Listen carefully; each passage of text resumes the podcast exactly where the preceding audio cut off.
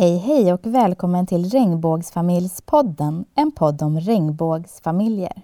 Här får du möta personer som berättar om hur de har skaffat familj och vart du kan vända dig om du vill ha råd och tips inför kommande föräldraskap.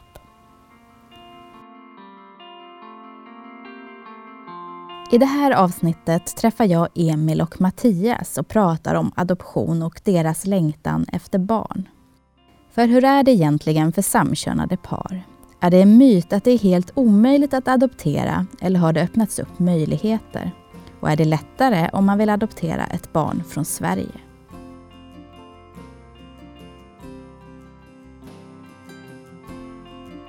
Hej och välkomna till Regnbågsfamiljspodden Emil och Mattias.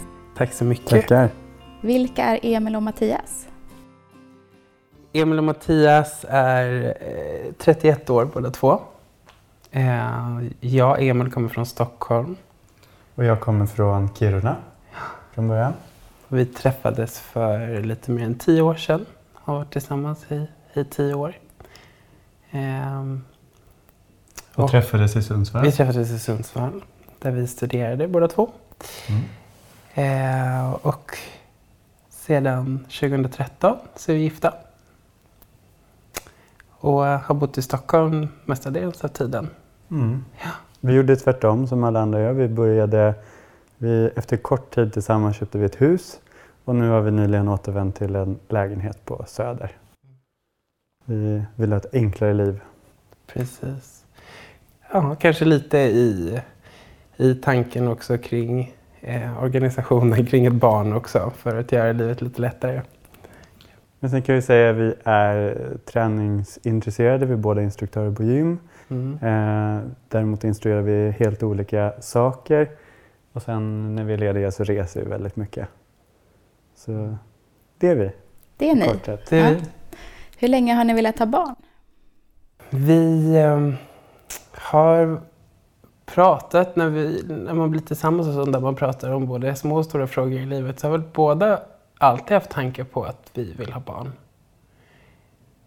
I vår relation så har det varit från aktivt kanske sedan vi var 24, 25 Mm. som vi började studera möjligheterna att få barn.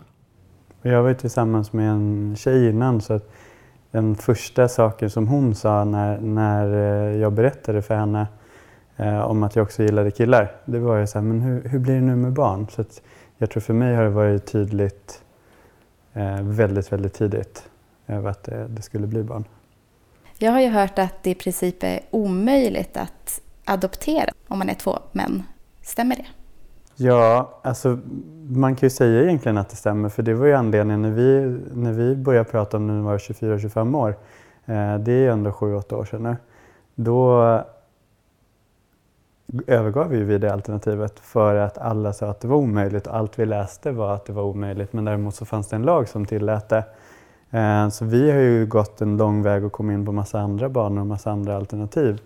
Började vi var jättemycket på surrogatforum och läste och fick napp med en surrogatmamma som vi träffade ja, en tre, fyra gånger någonting sånt där. Och hon hade hjälpt ett par i Göteborg att få barn också så vi var nere och träffade dem och eh, deras barn. Och, eh, men någonstans på slutet så, så var det någon känsla i oss som inte kändes, kändes rätt. I, så vi tog bort det alternativet egentligen från, från vår lista. Men däremot så hade det hjälpt oss ganska mycket att komma fram till vad vi verkligen ville. Eh, och sen familjehem har vi också pratat om, men vi vill ju vara, vi vill vara de som är vårdnadshavare. Vilket har också gjort att det här med ensamstående eh, kvinna till exempel har också varit, då kan bara en av oss vara vårdnadshavare. Eh, det vi har varit mest öppna för är med, kanske med ett annat tjejpar. Men där har det inte funnits några som i vår omgivning för det finns så många andra alternativ där. Eh, som har gjort att inte det har liksom blivit någonting. Och då hamnar vi tillbaks till ruta ett och då inser vi att okej, men om alla säger att det är omöjligt, då får vi visa att det är möjligt. Ungefär. Och då bestämde vi oss, nu satsar vi 110 procent på det. Och under den här resan så har ju då Adoptionscentrum faktiskt velat lyfta frågan till de här länderna som Sydafrika och Colombia som som vi står i kö i nu Och då. jag tror att det är ett danskt par som har lyckats adoptera från Sydafrika. Jag tror att det är ett holländskt par som har lyckats. Colombia blev ju klart senast i december om att de öppnar upp. Så att det, det sker ju förändringar och det är väl det vi, det är det vi har känt att istället för att bara sitta och vänta på att saker ska hända så vi får väl se till att saker händer. För det har vi förstått när vi var i kontakt med Adoptionscentrum också att anledningen till att inte frågan har prioriterats högre är för att inga har sökt. För att alla trott att det var omöjligt. Så att eh, några måste ju sätta tryck.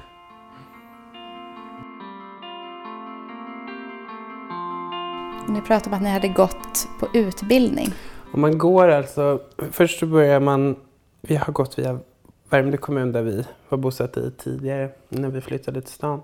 Eh, då började man med ett uppstartsmöte på kommunen där de förklarade hela processen. Och för att få fortsätta processen i medgivandeutredningen som de kallar det eh, så måste du gå eh, en föräldrautbildning för att adoptera. Och ehm, den går via Stockholms stad som arrangerar den. Och det är en utbildning på omkring 40 timmar tror jag. Två helger va? Två hela helger Två som hela vi, helger. vi la på det. Och från början när vi skulle gå den så såg vi det 32 som ett, ett sånt här, eh, vad ska man säga, mm, måste. Eller att det kändes så här, varför ska vi lägga två helger på den utbildningen? Och alla andra som var på utbildningen hade ungefär samma synsätt som oss, varför man skulle lägga så mycket tid. Men under utbildningen så kände vi båda när vi pratade efter liksom utbildningsdagarna att det ändå var väldigt givande, att det kändes som ett stort stöd. Och framförallt att förstå att det finns skillnader när du adopterar ett barn till skillnad när du får en biologisk. Och vi hade också turen att det var ett annat eh, samkönat par som gick på utbildningen så vi fick möjlighet att, att prata med dem lite grann. Vi fick möjlighet att förstå hur heterosexuella tänker. Och, eh, så det gav flera olika perspektiv den utbildningen också. Vi valde att se det eh, som en, en del i processen att skaffa barn på ett positivt sätt. Vi försökte göra det lite romantiskt de där helgerna. För man la ju verkligen en hel, flera hela helger. Och också det som var skillnaden som vi upplevde, det var ju dels vi var lite yngre. Vi var inte yngst, det var vi inte, men vi eh, än, än de andra som satt där. Ehm, och det kändes också lite hoppfullt för att man hade ändå kanske tio år framåt och vi kan försöka och det händer ju väldigt mycket på adoptivfronten där också. Vad tar ni med er från utbildningen? Det vi tar med oss, ehm, det är just, eh, för mig så var det väldigt mycket om det här med anknytning och, och minnesbilder som, som barnen kan komma och hur man ska hantera dem, exempelvis ljud. De är, har utsatts för höga ljud eh, på barnhem, gallergrindar som hörs och sånt där. Så att de har svårt att hantera mycket ljud. Eh, och sen just att man de har svårt att hantera flera människor och skapa anknytning till. Och direkt, eh, de gav exempel på kvinna och man som adopterar, att barnet ofta söker sig till mannen för att de har blivit övergivna av så många kvinnor och mer kvinnor jobbar på barnhemmen. Ehm, och det är ju någonting som vi har pratat om också, att så, så kan det vara. Man får inte känna någon nederlag i det, utan det är, det är så man fungerar. Helt enkelt. Om ni skulle vilja ge råd till andra i samma situation? Ja, men först diskutera vad man vill, eh, vad man vill båda två. Vad så, vilket alternativ som skulle kännas mest rätt. Och diskutera vrid och vänd på det. Vårt är adoption, det är det vi har kommit fram till. Och eh, det är en resa, absolut. Eh, jag tror ändå att vi har, vi har ju ändå kunnat ha kanske en lite lättare resa i samband med det här med med medgivande utredning och allting. Om vi har sett det bara som ett, någonting vi ska gå igenom. De, det har ju inte rivit upp något nå, nå sår genom att vi inte kan biologiskt sett bli föräldrar. Så eh, på så sätt så har det ju nog varit lättare för oss än kanske ett heterosexuellt par som, inte, som kanske bär på en sorg i samband med. Och sen ska vi säga så här också att, att inte glömma ens eget liv. Vi vet ju, vi har nära, nära kompisar till oss som har till exempel skaffat eh, genom surrogat. Och då är det miljonbelopp man, man pratar om. Eh, och där personer kanske inte tjänar så bra vilket gjort att man under många, många år fått lägga alla sina pengar på att spara för att kunna få det här barnet. Och det tycker vi det är jättefint att lägga det. Men samtidigt är det ju väldigt många år som man har verkligen fått kompromissa med sitt eget liv. Och det är väl en sak som vi också har sagt att vi vill ju leva liksom varje dag fullt ut. Vi vill inte bara spara för att göra det möjligt med, med ett barn. Och det är också någonting man ska ta i beaktande, vad, vad som krävs av en. Men sen också tänk, föreställa sig den dagen man verkligen ska förklara för barnet hur det kom till. Mm. Att hur kommer det kännas bäst för dig att beskriva det? Och hur kommer det kännas naturligt för dig att beskriva det och redan tänka den tanken nu? Och sen tror jag att alla det, olika vägar är rätt för olika personer. Mm. Vad ser ni mest fram emot som föräldrar? Att, um, att få följa någon eh, igen, och uppfostra någon. Eh, och eh, få dela en kärlek. Vi har ju liksom, vi har gjort alla de där vi, sakerna. Vi har gift oss, vi har gemensamt boende, gemensam ekonomi och allting sånt där. Vi är som vilket par som helst. Vi vill... Där, där vi är väl i livet just nu så är det barn. Yeah. Men sen är det också att, att föra vidare någonstans ens egna värderingar, ens egna erfarenheter. Eh, sen har det ju, alltså, när man tänkte biologiskt barn så fanns det självklart också en en nyfikenhet om hur skulle en mix av oss se ut. Men, men det kommer vi aldrig få reda på, så det är bara att glömma. Men däremot kan man ju se så här, men hur kommer ett barn, eh, vilka värderingar kommer den ha när den präglas av oss två? Hur kommer den lyckas liksom, i, i livet? Och vi har ju en, en gudson idag eh, som vi träffar i stort sett varje vecka. Och det är fantastiskt att se hur, hur han har präglats av sina föräldrar och vår guddotter och sånt också. Så det är ju det är någonstans en, en nyfikenhet på hur, hur, hur vi kan utveckla ett barn och vad vi kan faktiskt ge vidare. Har ni några farhågor? För mig är största farhågan är ju att vi, vi vet ju inte idag vilken bakgrund barnet kommer att ha. Det kan ju vara att barnet har en helt okej okay bakgrund och det kan ju vara att den har blivit det kan ju vara allt från våld, våldtäkt till droger till liksom misshandel. Alltså, det kan ju ha hur stort bagage som helst och det vet vi inte. Och vi vet ju inte vilket spår det kommer ge senare i livet. Så det är väl en farhåga. Att, men, vad händer till exempel i tonåren när många börjar söka sina rötter, börjar ifrågasätta saker? Alltså, är det någonting då som kommer komma upp som kommer påverka mycket? Eh, så det är väl det, vi, vi kan inte kontrollera den historien. Och eh, det är en liten farhåga. Vi har valt att se alla farhågor som att vi tar det när det kommer. Vi ser ju... Jag vet att många vill ställa frågan till oss. Liksom, men dels att man, att man adopterar kanske från ett annat land och är samkönade och hur kommer det tas emot och se annorlunda ut på förskolan och, och ha två killar som är två pappor. Liksom sånt där. Den frågan är jag nyfiken. Alltså det, det, det är, jag, jag upplever det i alla fall.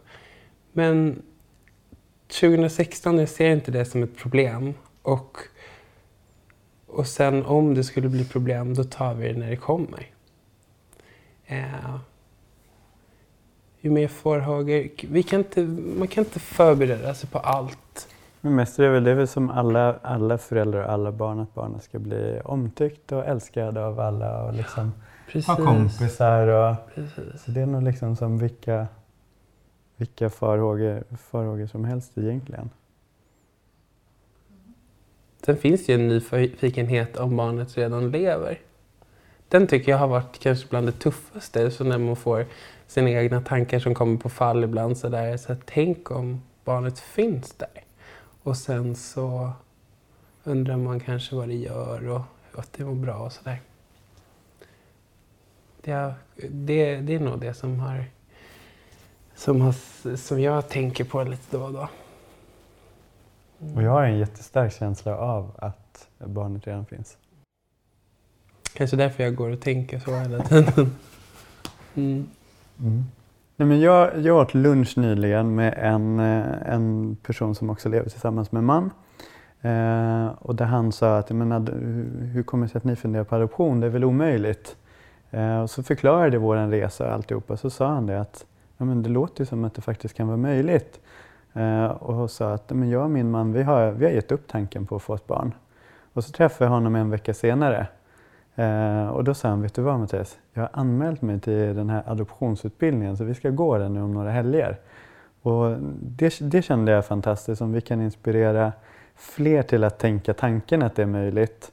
Eh, så, så är det fantastiskt. Att jag skulle säga så här, liksom ge, om, om man vill ha barn, det finns flera olika vägar. Undersök vilken som är bäst och satsa 110% på att lyckas med den.